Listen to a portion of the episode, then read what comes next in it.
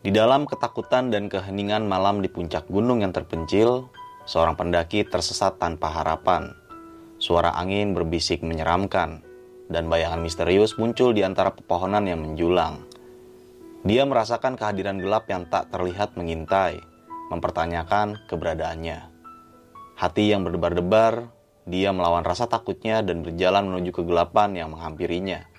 Di saat yang paling menakutkan, dia menyadari bahwa di gunung ini ada kekuatan supranatural yang bermain-main dan ia harus berjuang untuk keluar dari jerat teror yang tak berujung dan mengungkap misteri gelap yang memeluknya dengan kuat.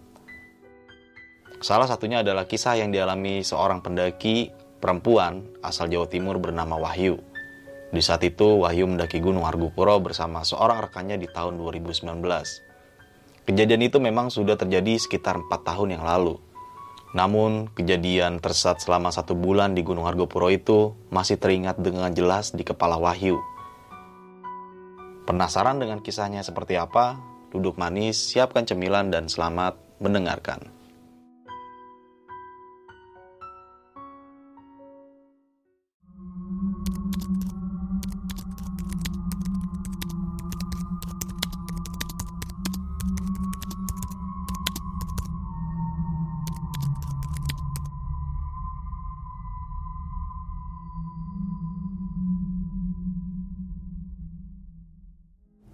Assalamualaikum warahmatullahi wabarakatuh Balik lagi nih di besok pagi Kali ini bareng gue Bang Mange Pria gemoy tanpa bahan pengawet Sebelumnya gue sangat berterima kasih banyak buat teman-teman semua yang udah mensupport, menonton dan mendengarkan besok pagi hingga sampai saat ini.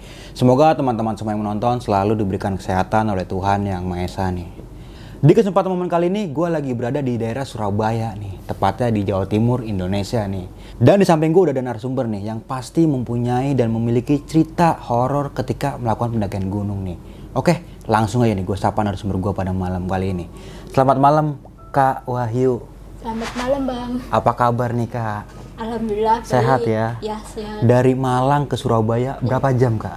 Dua jaman. Dua jam. Wah gokil sini. Dan thank you banget nih kayak udah mau menghadiri ke ya ini bukan studio sih ya hotel ya hotel kita kali ini ya dan mau berbagi sebuah pengalaman pendakian nih itu di Gunung Argopuro kayak Ya. sempat tersesat hampir 30 hari atau kita bulatkan aja Iya. sebulan nih Iya. di dalam hutan iya, Hampir Argopuro sebulan.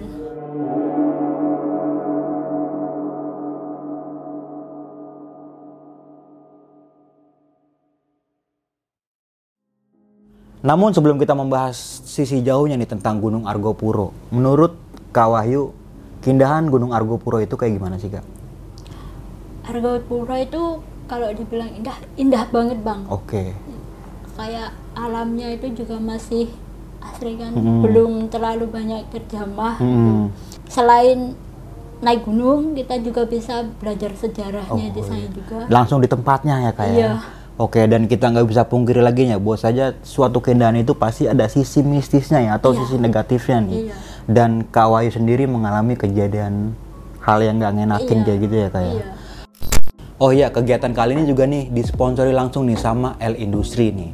L Industri itu ya ini pakaian yang gue pakai saat ini. Dan untuk lebih jelasnya dan detailnya nanti kalau mau beli bisa langsung ya klik yang ada di kolom deskripsi. Dan juga jangan lupa di subscribe, like, comment, and share. Dan jangan lupa nyalakan loncengnya agar teman-teman semua nggak ketinggalan video terbaru dari besok pagi. Dan bagi teman-teman semua yang mempunyai cerita mistis pendakian dan pengen berbagi pengalaman kalian di sini, kalian bisa langsung aja DM ke Instagram besok pagi yang ada di sini.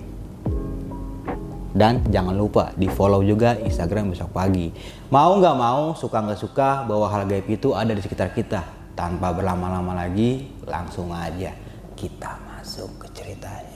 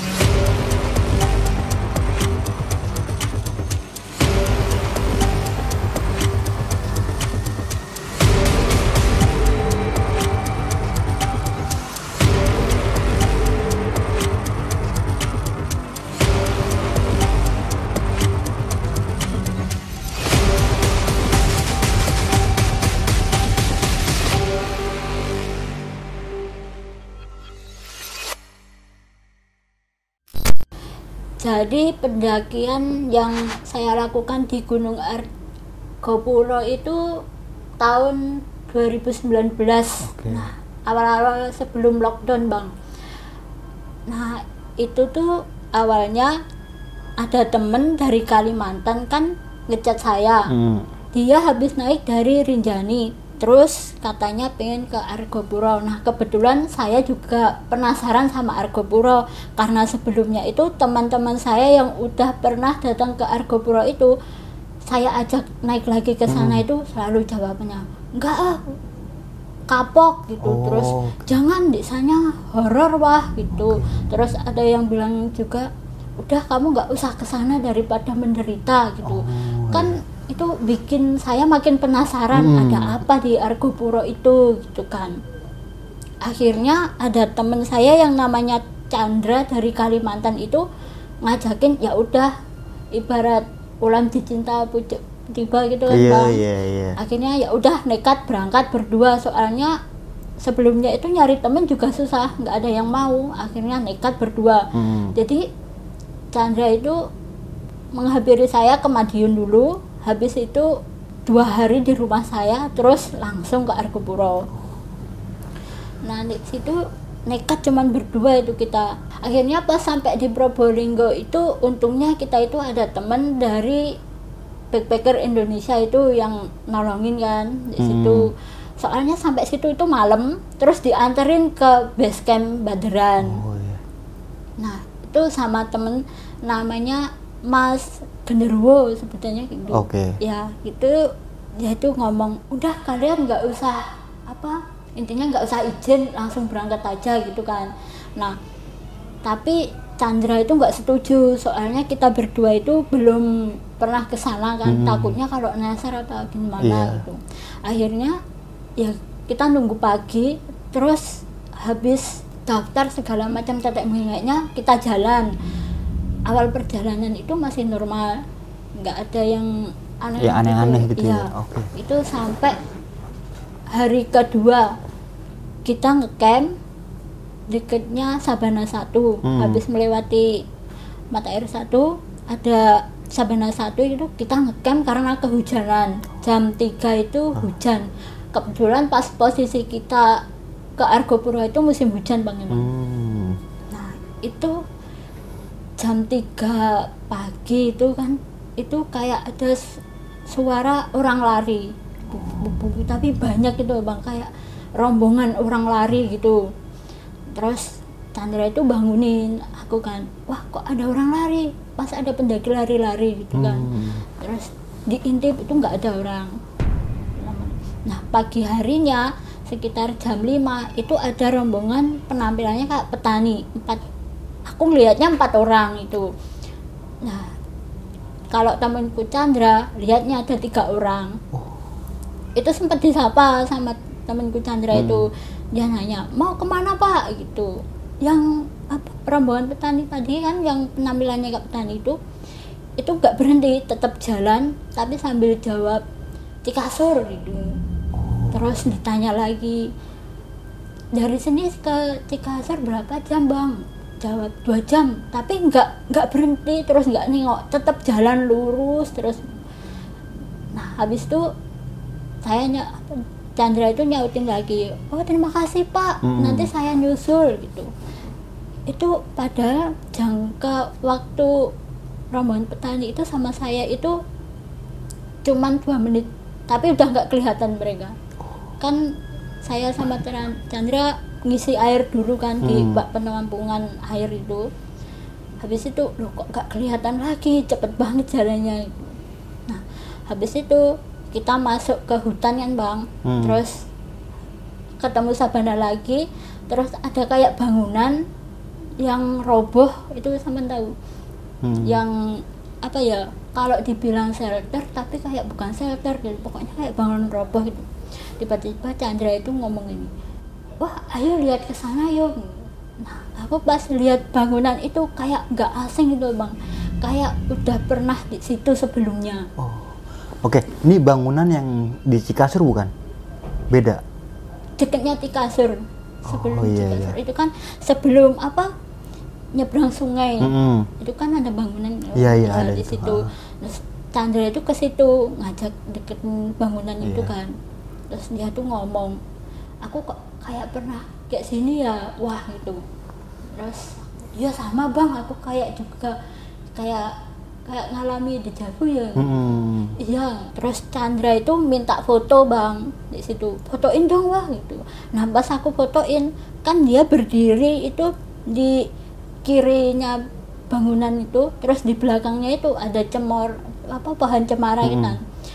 Pas aku fotoin, itu di kamera itu ada sosok perempuan berdiri di bawahnya pohon cemara itu. Jadi dia tuh pakai gaun putih-putih terus pakai kayak topi rinda-rinda gitu. Hmm, topi rinda kayak noni Belandi mungkin kak? Iya. Tadi kayak noni Belanda gitu. Mm-mm. tapi kalau aku lihat gini biasa nggak ada.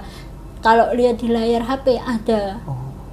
itu kan wah udah weh nggak nggak aneh lu apa kayak eh ini apa? Ini Hmm. gitu ya udah langsung aku fotoin. Terus Chandra habis itu aku ajak pergi dan bang ayo bang udah lanjut lagi lo kamu nggak foto? Wah enggak soalnya aku takut sama itu. Hmm. akhirnya kita jalan lanjut lagi ya kita udah sampai Cikasur atau mungkin nggak tahu ya. Soalnya kan di situ pas posisi katanya habis kebakaran Hmm. nggak ada plang nggak ada petunjuk arah Oh, iya, iya. ada nah di situ kita bingung soalnya banyak percabangan kita sempat diem di situ 10 menitan karena bingung arah kan Nah ini setelah lewatin danau Cikasur nggak?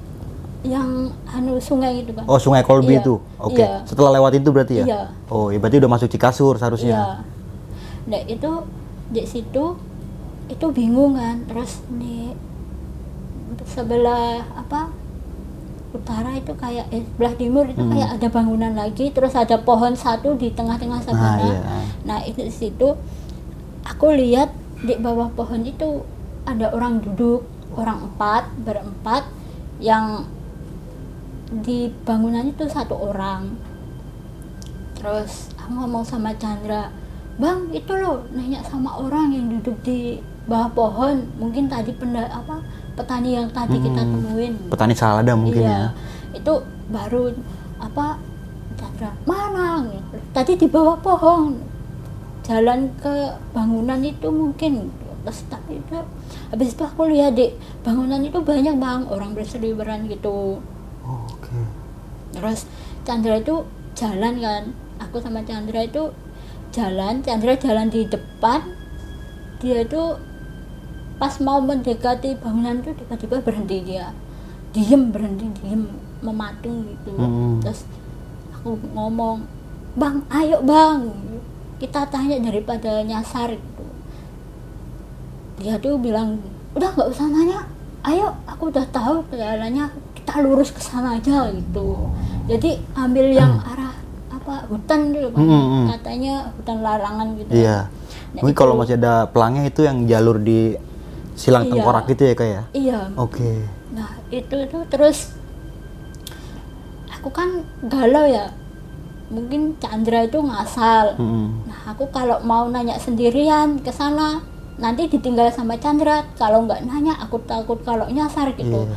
Nah aku tetap diam di situ bang berdiri.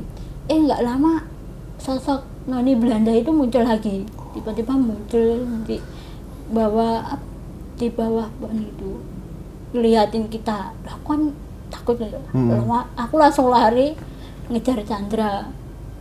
Nah habis itu Chandra itu ngomong, kamu itu apa sih lari-larian?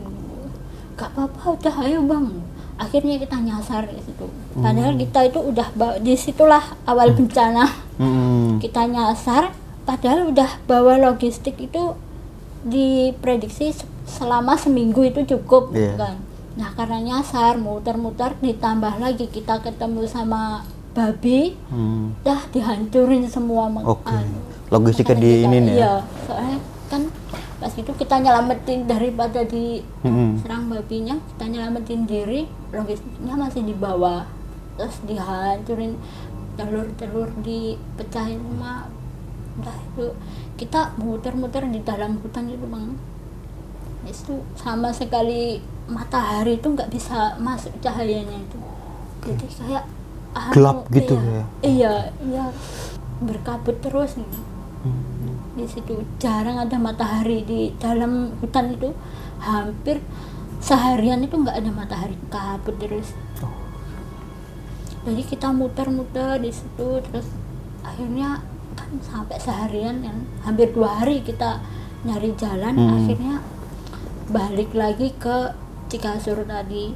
Nah itu udah sore nemu jalan sampai ke Cikasur itu sore kita ngecamp di situ jadi tenda. Malamnya itu gangguin lagi digangguin. Jadi pas aku apa Chandra di habis sholat isya Chandra di dalam tenda aku mau buang air kecil itu ada bau kayak bau bangkai busuk banget gitu itu udah merinding semua bulu kuduk meremang terus apa? Aku masuk ke dalam tenda kan lari. Kamu itu kenapa? Hobi lari-lari. Nah pas itu tidur kan. Itu aku dimimpiin. Nenek-nenek di belakang nenek-nenek itu ada lima laki-laki yang penampilannya kayak pendaki gitu. Terus dia tuh ngomong gini ah kenapa nak di sini? Kamu tersesat ya? Ayo ikut ke rumah nenek. Gitu. terus aku nggak nggak nek. Saya di sini aja sama teman saya. Hmm. pokoknya kamu itu harus ikut sama aku. Gitu. Itu kayak terus tanganku kayak ditarik gitu bang Dia dipaksa gitu Ah. tarik gitu. nah itu kan aku teriak-teriak. Nah dalam mimpiku itu. Terus dateng kayak kakek-kakek pakai baju putih-putih itu langsung apa didorong nenek-neneknya itu. Terus disuruh aku disuruh udah kamu jalan terus jangan sampai nengok ke belakang. Hmm. jadi disuruh jalan sampai ngelewatin kabut gitu. Habis itu aku bangun karena aku lihat Chandra itu masih tidur. Terus apa pas aku minum gitu kan terus nenangin diri gitu bang nggak lama Chandra itu kayak orang ketindihan gitu teriak-teriak gitu. terus megangin gini Hmm. terus kan aku bangunin kan "Eh, bang apa bang buset wah aku mimpi buruk wah dicekak nenek-nenek gitu Oh, Oke bisa sama ya. Iya, nah dari situ aku mulai agak-agak gitu bang. Kan Hmm. nggak mungkin kan kalau mimpi masa dua orang mimpi terus mimpinya sama nenek Sama nenek-nenek. kan. Nenek-nenek juga. Jadi itu kita jam 2 malam sampai pagi itu nggak tidur, nggak berani tidur mas. Itu terus kan kita lanjut jalan lagi kan itu hujan terus pas jalan jadi daripada kita pertama logistiknya nggak cukup gitu Hmm. kan kalau apa sering-seringnya kan akhirnya kita terlambat itu hujan terus itu nah itu waktu sampai Cisempar muncul lagi Noni Belandanya itu kayak ngikutin kita terus nih di situ pas di Cisentor itu kan kayak ada shelter gitu Iya. kita diriin tenda lagi di situ nah, Chandra itu nyuruh aku nyuci peralatan nggak nesting Mm-mm. gitu kan Soalnya kan di bawah situ ada kayak sungainya ya. Iya. Iya. di situ tiba-tiba Noni Belandanya itu udah ada di situ duduk di situ jadi kayak ngamatin kita gitu, Mm-mm. liatin terus aku sampai lari akhirnya jatuh terguling di sungai bang sampai cedera nah itu yang memperlambat perjalanan juga Hmm. terus nggak cuman berhenti di situ bang sampai di apa yang arah mau ke puncak Rengganis itu yang di Sabana Lonceng. ya ha, di Ah. Sabana Lonceng itu malah makin parah itu Oh. Jadi kita sampai Sabana Lonceng itu juga kehujanan lagi. Chandra itu sampai mau hipo Hmm. kan saking kelelahan kelaparan juga. Soalnya logistik makin menipis kan. Nah di situ habis diriin tenda dia tuh nggak kuat berdiri terus ngomong sama aku wah tolong pasangin pasaknya dong aku nggak udah nggak kuat lagi gitu pas hujan reda aku keluar masang pasak itu hampir mau maghrib bang. Di situ kan ada batu besar kan di sana. Hmm. Nona Belandanya itu duduk lagi di situ. Sambil lihatin kita. Terus aku langsung la- masuk. Gimana? Udah dimasukin semuanya. Apa pasaknya itu udah dipasangin semuanya. Udah bang. Nah itu sepanjang malam itu kita itu diteror suara lonceng Oh. awalnya itu apa kayak ada batu besar yang ngegelinding duduk duduk duduk Hmm. gitu kan bang itu suara apa bang Alah, mungkin batu kena angin gitu kata Chandra terus cuma buak gitu aku nanya lagi eh apa bang mungkin tongkat kita jatuh gitu Oh iya. terus pas sampai jam 11 malam itu baru ada lonceng. Itu pas angin badai pas itu ada badai bang di situ kan. Pas badai juga. Terus hujan. Itu ada suara pertama itu nih, ting ting gitu. Kita kira itu pendaki. Eh, Chandra ngomong alhamdulillah ada pendaki lah gitu. Oh iya. masa sih iya. Ah, coba dengerin langsung ting ting lagi kan. Bunyi ting ting ting.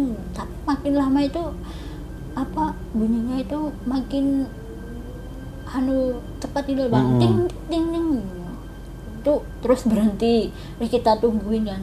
"Ah, iya kayak ada pendaki kita tungguin terus. Gitu.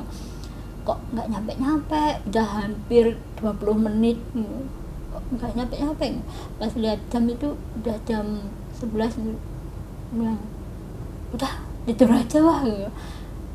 nah aku di situ juga mikir masa pas hujan terus badai kayak gini ada pendaki jalannya nggak mungkin Iya. apalagi malam-malam gitu. di situ habis itu setelah itu ada suara kayak orang yang teriak kesakitan nangis gitu emang oh, itu bener-bener denger itu tapi aku nggak berani ngomong sama Chandra soalnya dia itu udah tidur Hmm. nggak tahu tidur nggak tahu apa belum gitu soalnya dia tuh masuk ke dalam sleeping bagnya Mm-mm. gitu. itu dari jam 11 sampai jam 2 itu suara lonceng terus jadi kalau anginnya apa Kenceng gitu. iya kenceng gitu kan suara loncengnya juga kenceng ding. terus terusan kayak gitu terus pas pagi harinya akhirnya kan aku nggak tidur sampai pagi bang nah pagi harinya Chandra ngajak ke puncak Ringganis dulu. Di situ habis dari puncak Ringganis dia masak terus nyuruh aku apa ngambil sepatu yang dia jemur kan. Hmm. di situ makanan kita itu cuma tinggal sosis sama kubis doang. Terus sama kopi-kopian masih ada kopi-kopi beberapa renceng kopi gitu kan nah pas mau ngambil sepatunya Chandra sama HP itu aku lihat dari arah utara hmm, dari arah puncak Rengganis Hmm. itu jalan bapak-bapak ya kayak petani gitu tapi bajunya itu udah sobek celana sobek gitu kan nah aku kan kasihan ya bang ya aku mikirnya itu mungkin kayak petani Mm-mm. yang nyari apa gitu. Nyari salanda itu Iya, mungkin ya. kan katanya banyak kan Ya. bisa nah, itu awalnya jalan sendiri.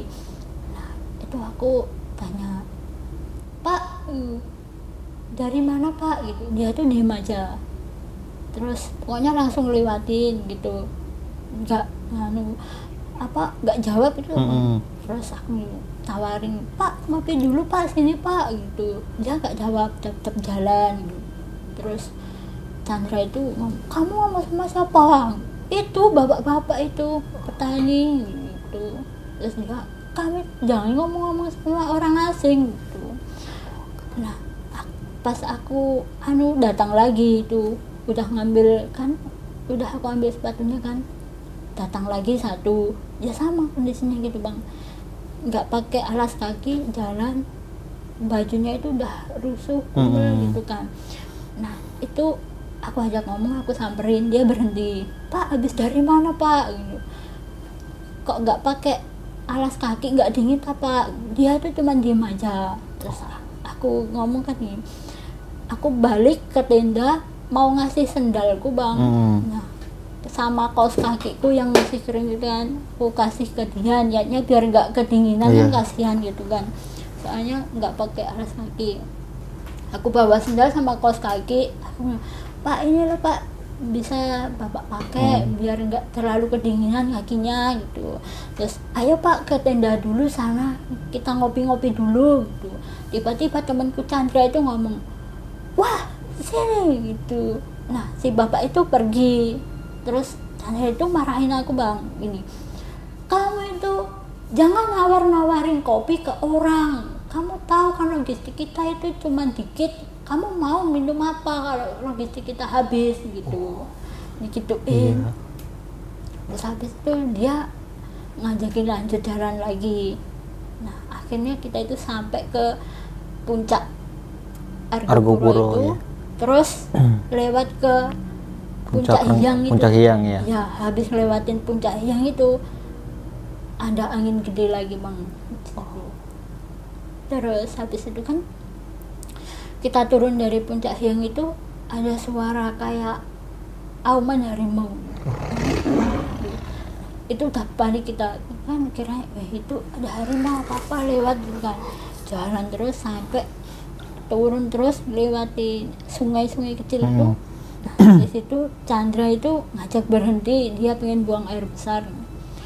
Nah habis itu dia cerita gini tiba-tiba dia dia tuh awalnya dia ngomong gini wah nanti misalkan kalau ada apa-apa kamu cepet selamatin diri kamu ya nggak usah peduliin aku. Pokoknya apa pun yang terjadi kamu harus bisa keluar dari hutan ini terus pulang gitu. Nah aku kan bingung kok, kok tiba-tiba ngomong kayak gitu. Aku tanya emangnya kenapa bang? Ya udah pokoknya dengerin aku aja. Kalau ada apa-apa kamu tinggalin aku cepet lari selamatin diri kamu. Nah di situ aku mulai curiga bang. Terus aku nangis kan takut aku ngomong sama Chandra oh gak bisa bang. Kita berangkat berdua pulang juga harus berdua. Kita harus sama-sama terus gitu kan. Tahu kalau aku ninggalin kamu belum tentu aku juga bisa keluar dari hutan ini. Belum tentu selamat. Bisa aja aku di depan sana mati juga kan. Terus nanya aku emangnya ada apa bang? Aku tadi dengar suara harimau wah Nah, gitu "Wah, sama aku juga dengar suara harimau terus dia bilang pas pertama kali kita jalan di Sabana satu itu pas lihat apa Yang pendopo. enggak yang awal kita ketemu petani itu Oh iya. petani, yang tiga petani itu lah di situ aku baru apa Baru ngeh ya, baru tahu ya. Chandra itu baru debat kok tiga empat bang aku bilang gitu tiga wah aku lihatnya tiga. Nah itu di situ itu aku udah ngerasa aneh apalagi pas sampai Cikasur Mm-mm. kamu bilang di bawah pohon itu ada orang padahal di situ nggak ada orang di bangunan yang ro- apa roboh di sebelah. Pohon itu juga nggak ada orang kosong nggak ada orang sama sekali. Nah pas kita awal per, apa, di bangunan itu yang aku minta foto itu aku lihat noni Belanda di situ. Jadi cewek penampilannya kayak noni noni Belanda. Di situ aku baru berani cerita bang loh apa juga lihat? Gitu kan. Iya emangnya kamu juga lihat? Iya ngikutin terus kan. Iya kok kamu nggak bilang sih bang? Ya nanti kamu takut kamu Mm-mm. sendiri juga ngapain nggak bilang? Ya sama kan kalau di gunungan aturannya gitu. Kalau kita lihat yang nggak anu jangan sampai cerita ke temen. Kan bilang gitu.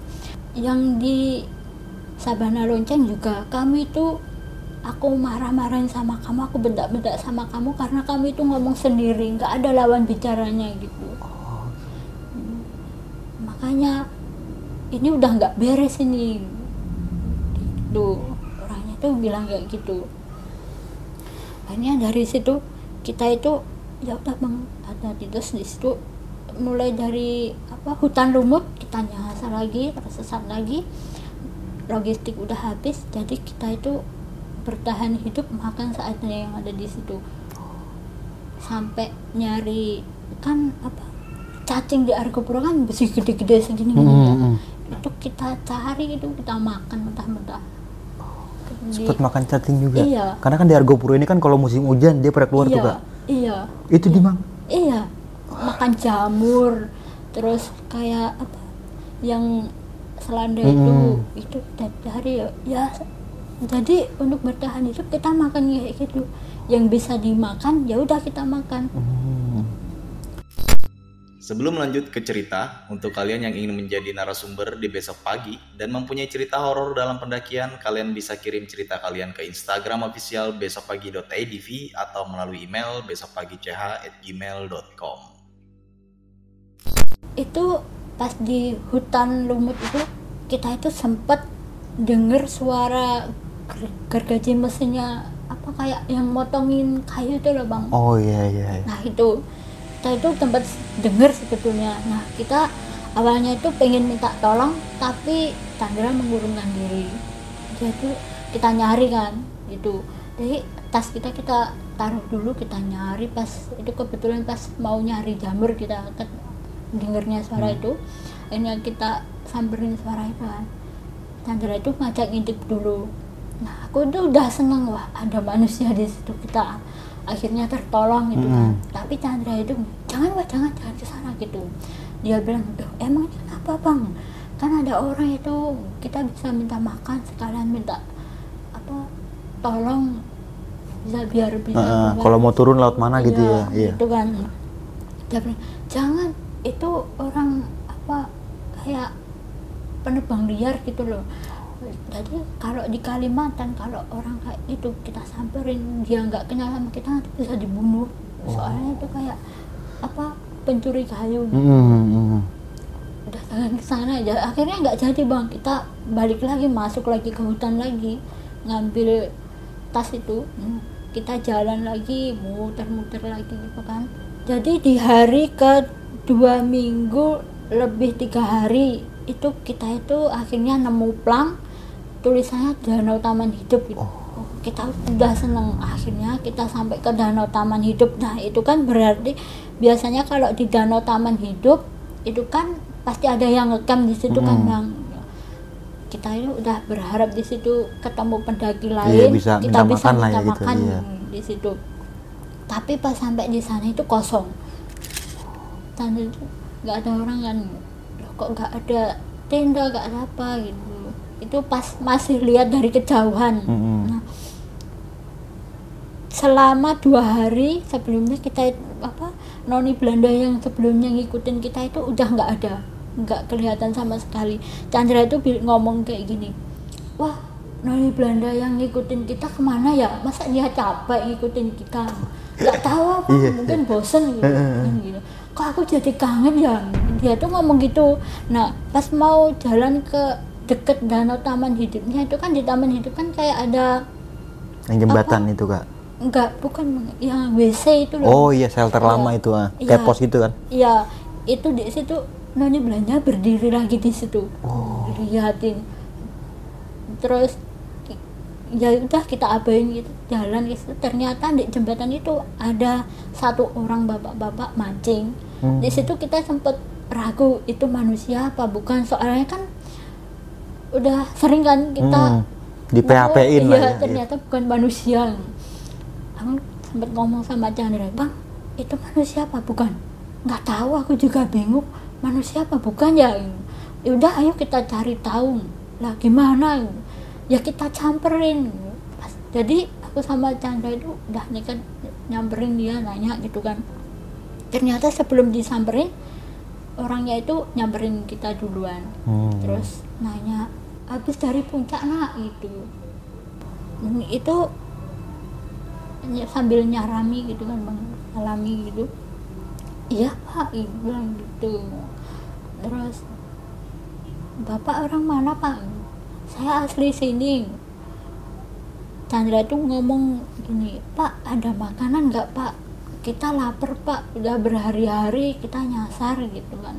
Kita tersesat logistik kita habis oh ya deh ayo ada akhirnya kita itu dibawa ke apa ya ke tempatnya dia Mm-mm. jadi nyebrangin danau gitu bang Oh ya ke, ke sebelah sana ya. Iya, sebelah Iya iya. iya.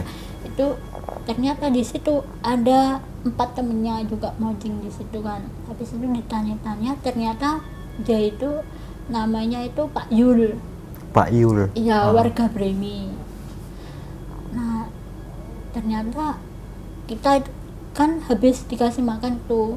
Awalnya kita itu pengen langsung turun kan Hmm. nanya-nanya ini dari ah, taman hidup kalau ke Bremi itu gitu. berapa? Jam gitu. Itu nggak dibolehin dulu sama Pak Yul. Jangan turun soalnya nggak ada ini apa petunjuk arahnya. Nanti kamu nyasar soalnya banyak percabangan. Bareng kita aja besok. Akhirnya kita ngecamp lagi di situ bareng sama mereka. Nah keesokan harinya baru pulang. Pas mau pamit pulang kan malam kan bang di sana. Sampai apa pos perizinan itu malam. Mm-mm. sama Pak Yul itu dia ajakin ke rumahnya dulu. Dia bilang jangan pulang sekarang nggak ada kendaraan besok pagi aja gitu. Nginep dulu di rumah saya aja. Akhirnya kita nginep. Nah habis nginep itu besok paginya pamit mau pulang itu nggak dibolehin. Bentar dulu jangan pulang dulu nginep aja dulu sekali apa sehari lagi Hmm. gitu. Jadi setiap kita pamit mau pulang itu langsung ditahan gitu bang oke. Terus tiga apa dua hari kita di situ Pak Juli itu pergi tinggal Pak Huda saudaranya. Itu ngomong pas kita mau hari ketiga mau pamit tuh jangan pulang dulu Pak Yulnya masih pergi nunggu Pak Yul dulu gitu kan Hmm. ya udah jadi kita di rumahnya Pak Yul itu total satu minggu di situ nah selama hari keempat itu kan Pak Yul itu punya anak perempuan aku itu diajak ke base campnya pendakian itu kan kayak ada taman gitu kan. Mm-mm. Nah di situ itu kan ada sungai. Aku tuh lihat sungai gitu kayak an kayak pengen jebur kayak ad- ada yang bisikin ayo kamu nyebur nyebur gitu kan. Oh. Jadi mau jebur langsung ditarik ditarik gitu ya kayak itu sama anaknya Pak Mm-mm. Yul. Bah ngapain kamu kok mau antong nggak kejebur gitu. Itu aku udah kayak orang linglung gitu. Mm. Terus pas mau nyebrang jalan itu ya ada mobil aku malah nengah terus berhenti Oh. itu ditarik sama orang pak gimana sih Iya, iya. gitu nah di situ juga pas bantuin istrinya Pak Yul masak itu juga ada apa anu megang pisau itu Mm. kayak rasanya pengen aku Potong tangan potong, aja. iya. kayak gimana ya bang kayak orang sedih gitu. jadi Iya. perasaanku tuh sedih banget tapi nggak tahu Sedihnya karena apa? Oh, itu oke. juga nggak tahu terus tiba-tiba itu nyesek kayak nangis sampai sampai nyesek gitu Mm-mm. itu waktu di kamar tuh pernah sampai tangannya disayat-sayat ini sama sama sangkurnya milik Chandra itu kan. Pas aku di kamar sendirian sangkurnya Chandra itu ada di meja. Mm-mm. ya udah disayat-sayat gini aja. Itu anak itu tuh nggak ngerasa sakit. Langsung set set set gitu nah itu Chandra itu kamu itu gila ya wah kalau mau bunuh diri tuh jangan pakai sangkurku aku bisa masuk Bi- bisa masuk penjara, bisa jadi salah ya diri." kalau itu ya. iya Nah, habis itu itu sama Pak Huda itu nggak boleh keluar rumah Hmm. jadi sampai Pak Yul datang itu nggak boleh keluar rumah terus di situ Pak Huda itu baru ngomong nih, katanya ada yang ngikutin kita you know. jadi di rumahin rumahnya Pak Yul itu udah dipagari sama Pak Hmm. Yul jadi yang ngikutin kita itu nggak bisa masuk kita rumah nah Pak Yul itu juru kuncinya Argo Bros itu sedangkan Pak Yul itu anu apa kayak keamanan desa gitu Hmm. Di situ itu Pak Yul itu baru apa ngomong ngomong kita itu kayak gitu alasannya Pak Yul Nahan pulang nahan karena itu berarti karena ya? itu gitu Oh, oke. dibilangin Pak Huda kayak gitu karena ada yang ngikutin kita kalau udah ninggalin tempat ini kita kembali ke rumah itu udah susah buat dibalikin lagi yang ikut Hmm.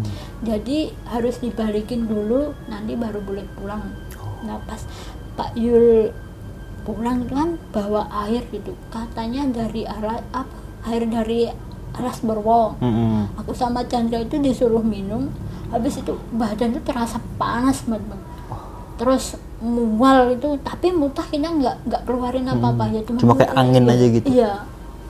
Nah habis itu di situ Pak Yul itu cerita jadi dia itu awal pertama kali lihat kita itu kan dia heran kok ada sepasang kakek nenek naik gunung? gitu kan.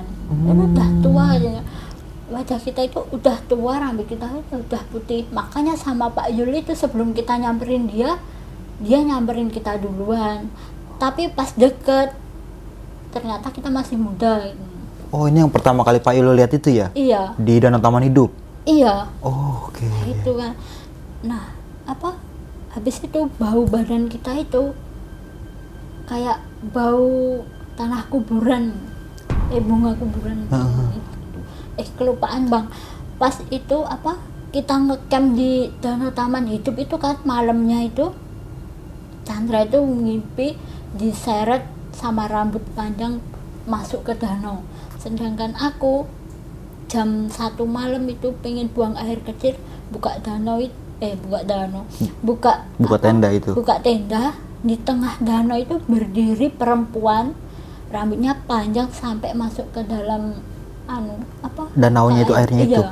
jadi berdiri di tengah air kayak ngambang gitu bang rambutnya panjang gitu terus aku itu udah nggak jadi buang air kecil langsung ke masuk lagi ke dalam tenda Dan itu berbarengan dengan Chandra yang mimpi ditarik Iya. rambut itu. iya Oh, oke. di dimasukin ke dalam sana. Nah, pas itu kan cerita sama Pak Yul kan mimpi itu. Kata Pak Yul itu ternyata dia juga ngalamin kayak gitu sama temen-temennya. Tapi bukan mimpi. Jadi pas kedatangan kita yang biasanya mereka itu kalau apa mancing itu pasti dapat ratusan ekor sama sekali nggak dapat. Oh. jadi pulang itu cuman bawa 10 ekor Hmm. ikan. Kata- terus Pak Yul kata Pak Yul perempuan yang di apa danau itu itu perwujudan Dewi Rengganis. Katanya gini nggak biasanya Dewi Rengganis itu muncul menampakkan diri kalau nggak ada sesuatu gitu. Karena Pak Yul itu sering kan sering, katanya sering lihat Dewi Rengganis tapi kalau pas ada sesuatu misal kalau mau ada apa kebakaran hutan atau apa Hmm, gitu. Kayak buat pertanda gitu ya iya. kayak. nah itu yang bikin Pak Yul bingung ya katanya kayak gitu. Oh. jadi pas ketemu kita dia tuh baru paham Dan setelah diceritain semuanya Iya. dan Pak Yul eh, ngelarang buat pulang dulu gitu Iya. langsung ya. iya nah itu sana. dan ternyata di Sabana Lonceng itu eh kok di Sabana maaf di apa di kasur Hmm. itu itu kata Pak Yul emang dulunya itu bekas apa anu lapangan yang di- di- dibangun oleh Belanda eh Belanda Lapangan Jepang. terbang. iya Ah. yang dibangun Jepang kan bang nah kalau malam di situ ke emang gitu suka ada yang nangis yang anu gitu dan di Cikasur itu katanya Pak Yul dulu itu lapangan terbang yang dibuat Belanda Jadi- jadi banyak warga pribumi yang disiksa buat Oh kerja paksa gitu. Iya, ya. kayak gitu Oke. nah terus kalau di Sabana Lonceng yang kita dengar orang nangis-nangis atas suara lonceng itu itu katanya Pak Yul juga warga pribumi yang disiksa itu bang Hmm. jadi dulu itu war, apa para pribumi yang habis bangun Kerajaan itu. Enggak, Ah apa? bukan. Ah, landasan terbang Iya, itu ya. landasan terbang itu kan itu kan dijanjiin mau dibayar Mm-mm. tapi harus bikin parit dulu Iya. ternyata pas bikin parit itu mereka disuruh masuk ke dalam parit terus dikubur hidup-hidup gitu kan jadi gitu terus yang lonceng itu pertanda kalau mereka itu udah waktunya kerja gitu Hmm. dulu tuh dibunyiin lonceng kayak gitu Oke. Kayak penanda buat neng kerja Iya. kerja kerja gitu ya. iya Oke. dan Mauni Belanda yang ngikutin kita itu itu katanya ya apa orang Belanda yang punya apa kayak punya kekasih di situ terus mati bunuh diri di tempat itu loh bang Oh. kan bangunan yang awal pertama aku sama Chandra lihat Hmm. itu ternyata itu bangunan dulunya buat eksekusi para apa pekerja paksa yang membangkang itu Oh. Itu yang sebelum Cikasur ya kak ya? iya yang sebelum apa nyebrang sungai itu Ah, ah, kan. ah. iya Iya, iya. Masih masuk ke Sabana besar ya berarti iya ya? iya Oke. jadi kalau yang membangkang di situ langsung eksekusi Hmm. nah itu kebetulan yang noni Belandanya itu punya kekasih orang pribumi dia janji mau balik ternyata nggak balik-balik terus akhirnya dia bunuh diri sampai sampai bunuh diri di tempat itu Hmm. mungkin itu juga yang bikin aku galau kok ngera- ngerasain sampai galau Iya. Tapi menurut gua gokil juga sih kak. Ber- Berarti lu total dari mulai perjalanan sampai turun lagi itu hampir satu bulan, satu bulan, Iya. ya? hampir satu bulan. ya? Iya. Itu kata Pak Yul itu apa yang noni belanjanya itu ngerogoh sukmo ke badanku. Jadi apa yang dia rasa aku bisa rasa gitu. Pantas kan sempet kayak nyesek gitu ya kak ya? Iya. Nah selama di rumah Pak Yul itu aku baru bisa menghubungi keluarga bang. Itu udah bingung, nggak biasanya naik gunung sampai selama ini gitu kan. Terus itu sempat ditanya, kamu kapan pulang? Tapi aku sendiri belum tahu kapan dibolehin Hmm. pulang gitu kan. Ya akhirnya ngomong, iya pak, bentar bu masih mampir di rumah temen gitu. Hmm. Bilang udah gitu. Terus dari basecamp itu jadi sama Pak Yul yang laporan bukan aku sama Chandra tapi Mm-mm. Pak Yul yang datang ke Ke basecamp gitu. itu. iya jadi pas Pak Yul datang ya udah kita diomong apa cuman diomongin saya udah laporan sama Hmm. basecamp gitu Pak Uda juga ngomong gitu jadi kalian udah Nggak usah ke sana bingung, lagi gitu iya, ya? nggak usah ke sana lagi.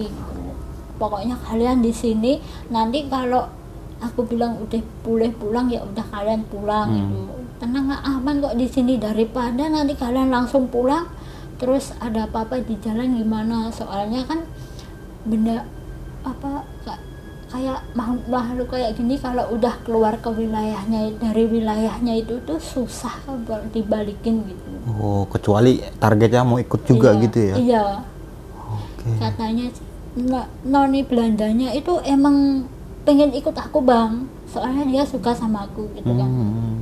nah untungnya si noni Belanda itu ngikutin kita kalau kita yang ngikutin dia Oh. mungkin kita itu udah nggak bisa balik di disesatin Mm-mm.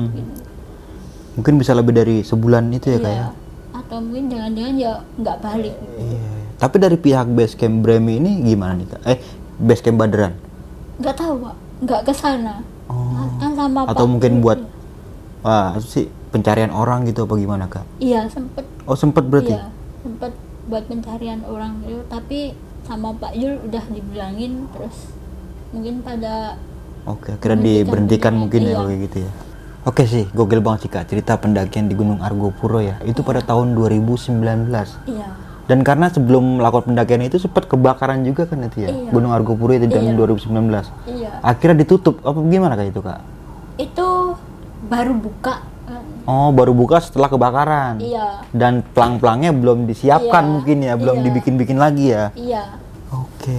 itu baru aku percaya bang kata-kata temenku Heeh. udah nggak usah ke Argo Puro Oh lagi, iya, lagi." iya, iya benar-benar. Sebelumnya itu kan Iya. sempat ditindak temen Iya. ya.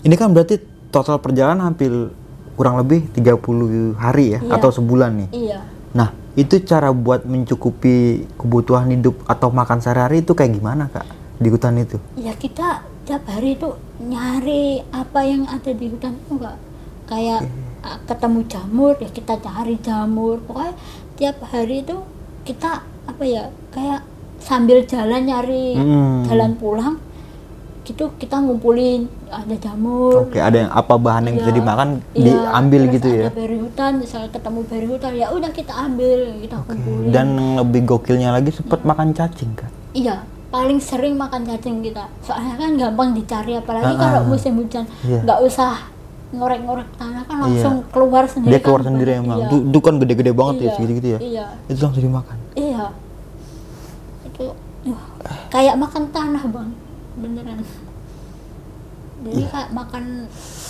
lumpur gitu. Mm-mm.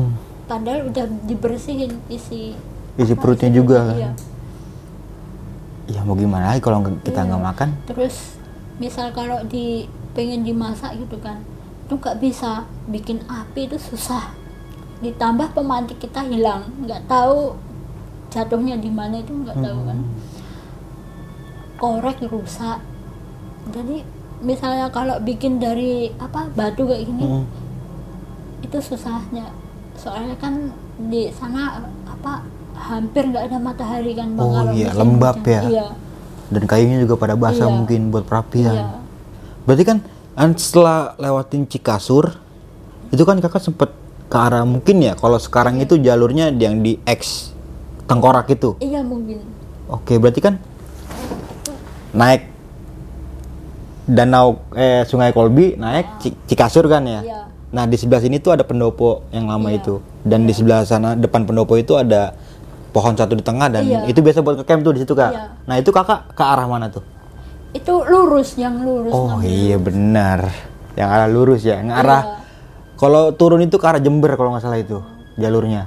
iya itu di sana hutannya menakutkan Itu nggak nggak sempet tersorot matahari kak, Iya. gelap itu. gelap itu kayak jadi rimbun banget gitu. Iya rapet gitu ya. iya Waduh. ditambah kabut itu tebal Hmm. Nah kalau boleh tahu di situ itu kan sempet nyasar di situ. Itu Iya. berapa hari kak di situ kak? itu empat hari kita Di dalam situ? muter-muter nyari itu iya Oke, Dan sedangkan logistik juga udah mulai menipis ya karena Iya. berebutan sama babi iya ya. jadi kita hanya bisa nyelamatin apa yang kita selamatin gitu Dan kita makan itu ya, Iya. dan dimakan itu ya. iya jadi ngirit makanya Nah, tau kok bisa bisa keluar itu karena gimana tuh? Apa ngikutin jalur yang kemarin dilewatin apa gimana itu kak? iya ngikutin lagi Oke, untung Sambil masih inget ya. inget gitu kan Ah. soalnya di situ apa kayak nggak ada bekas manusia pernah di situ gitu. Hmm. jadi jejak kita yang kan untungnya Chandra itu mau tekin Oh iya buat penanda pohon itu ya. Iya. gitu Iya. akhirnya kita pas mulai awalnya itu sehari itu aku udah mulai sadar kok kayak nggak pernah dijamah orang aja bang di sini Hmm. ya kan habis kebakaran mungkin jadi anunya hilang gitu Iya, jalurnya ya Iya. penandanya ya. Wah, Chandra itu masih kekeh ini dia bener gitu akhirnya pas makin dalam makin dalam dia Hmm. baru kayaknya bener wah kita nyasar ini gitu Oh, dan Nanti akhirnya tarik mundur lagi ya. iya Terus seharusnya kan kalau abis naik dari danau eh danau eh sungai Kolbu itu Cikasur itu ke kanan. iya Jalur pendakian itu masuknya kan. Iya. Bawa ke Rawembik ke Cisentor. iya Baru ke puncak dan seterusnya ya. Iya. Dan ternyata kakak lurus itu ya. iya itu sebelumnya itu kita itu di apa sebelum pintu rimba Mm-mm, Makadam itu ya. iya itu sempat ketemu petani cabai kan. Ah. nah Chandra itu sempat nanya di, kan dikiranya orang situ semuanya pernah ke sana Ah. kan. Jadi cuman dikasih antar-antar terus digambar sama Chandra. Ternyata gambarannya itu salah. Akhirnya Oh. sampai di Cikasur itu gambarannya itu salah. Akhirnya ya kita kelabakan nyasar Sama Noni Belandi ya, yang, Iya. yang sering banget ngikutin perjalanan berdua itu ya. iya Itu hampir setiap malam, setiap hari Iya, itu ada terus iya. ya. muncul tiba-tiba gitu Iya, terus hilang lagi gitu. Iya. Tapi eh, perjalanan mungkin yang per- perjalanan eh, ke Wahyu yang gak ngenakin Hmm. mungkin dari Gopuru ya, itu ada dokumentasinya nggak kak? Sedikit aja. Atau foto-foto gitu sempat foto-foto. sempet Tapi ada beberapa mungkin ya kak ya. iya terus yang di dalam hutan itu sempat Oh, ada sempat hutan dikit. yang rapet itu. iya Ada, itu Kak? ada sebelum apa HP mati itu Ah, ah. masih ngevideoin dikit. Oke, masih ada ya kayak boleh nanti Iya. di share aja kayak buat bukti nih kalau kakak tuh pernah ke situ gitu loh. iya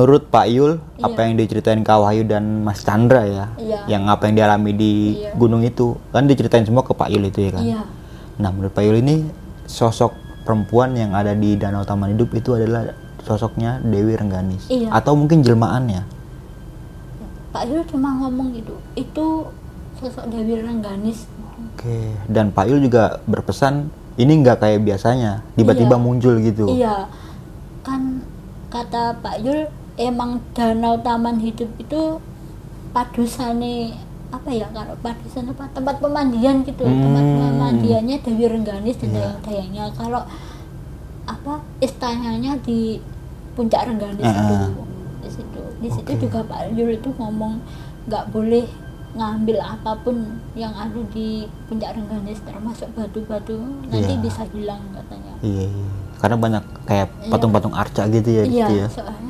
itu kutukannya Dewi Rengganis. oh iya Jadi kan dulu katanya itu sejarahnya itu Dewi Rengganis itu kan Dewi paling cantik kan. Hmm. Terus banyak kayak pangeran raja-raja Oke, gitu yang, yang mau meminang di ya. Akhirnya apa kayak terjadilah berantem. per- Oh, ya, kayak sayembara lah gitu iya, ya terus berantem bentrok. Nah, harta-hartanya itu semuanya di situ. oh, Itu sama Dewi Rengganis itu itu hartanya dia. Jadi nggak ada yang boleh siapa pun ngambil itu. Hmm, itu haknya Iya. Dewi Rengganis ya. Iya.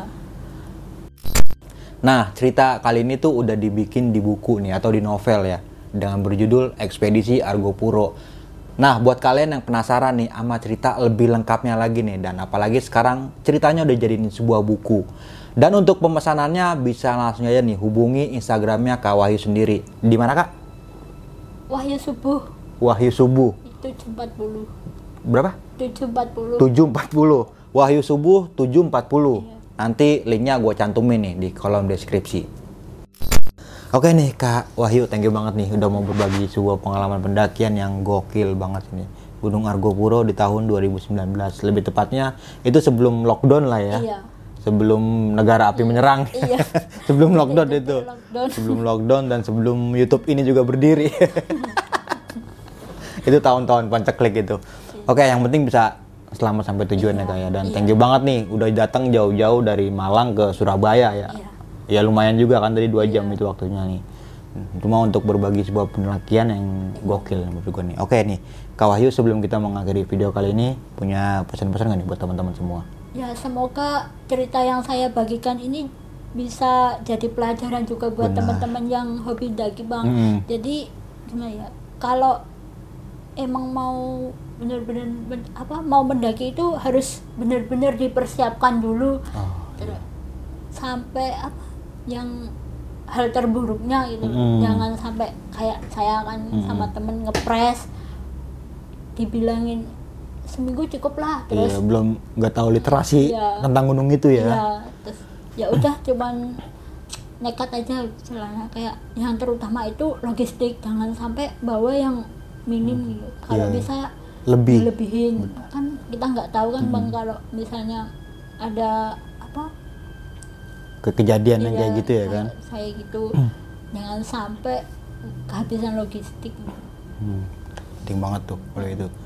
Dan juga melakukan pendakian dengan orang yang berpengalaman Iya. nih, serta safety dalam melakukan pendakian.